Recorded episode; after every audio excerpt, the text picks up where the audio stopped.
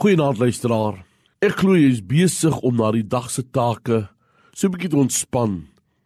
Terwyl jy saam met my luister en deel uit die woord uit Joshua 23 vers 14.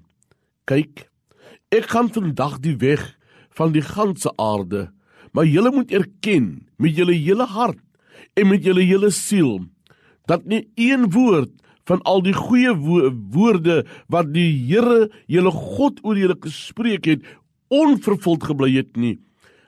Alles het vir julle uitgekom, nie een woord daarvan het onvervuld gebly nie. Meer as ooit staan die gelowige voor die uitdaging om in hierdie tyd op God se belofte te staan. Om te midde van alle onsekerhede met oortuiging te kan uitroep: Ek weet sy beloftes is onfeilbaar. Sy beloftes is ja en amen. Meer as ooit het die kerk van die Here nodig, die eklesia, om God te vertrou vir die krag van sy woord om weer gedemonstreer te word in die midde van die kerk van die Here. God leef, liewe vriende. En omdat hy leef, leef sy woord. Hy is Jesus Christus gister, vandag tot in alle ewigheid. Want jy sien, dis rondom sy woord wat ek glo.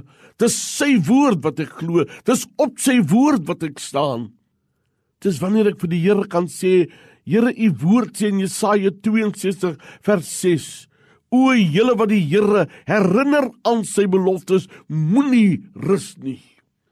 Kan ek jou verseker dat God se beloftes is onfeilbaar.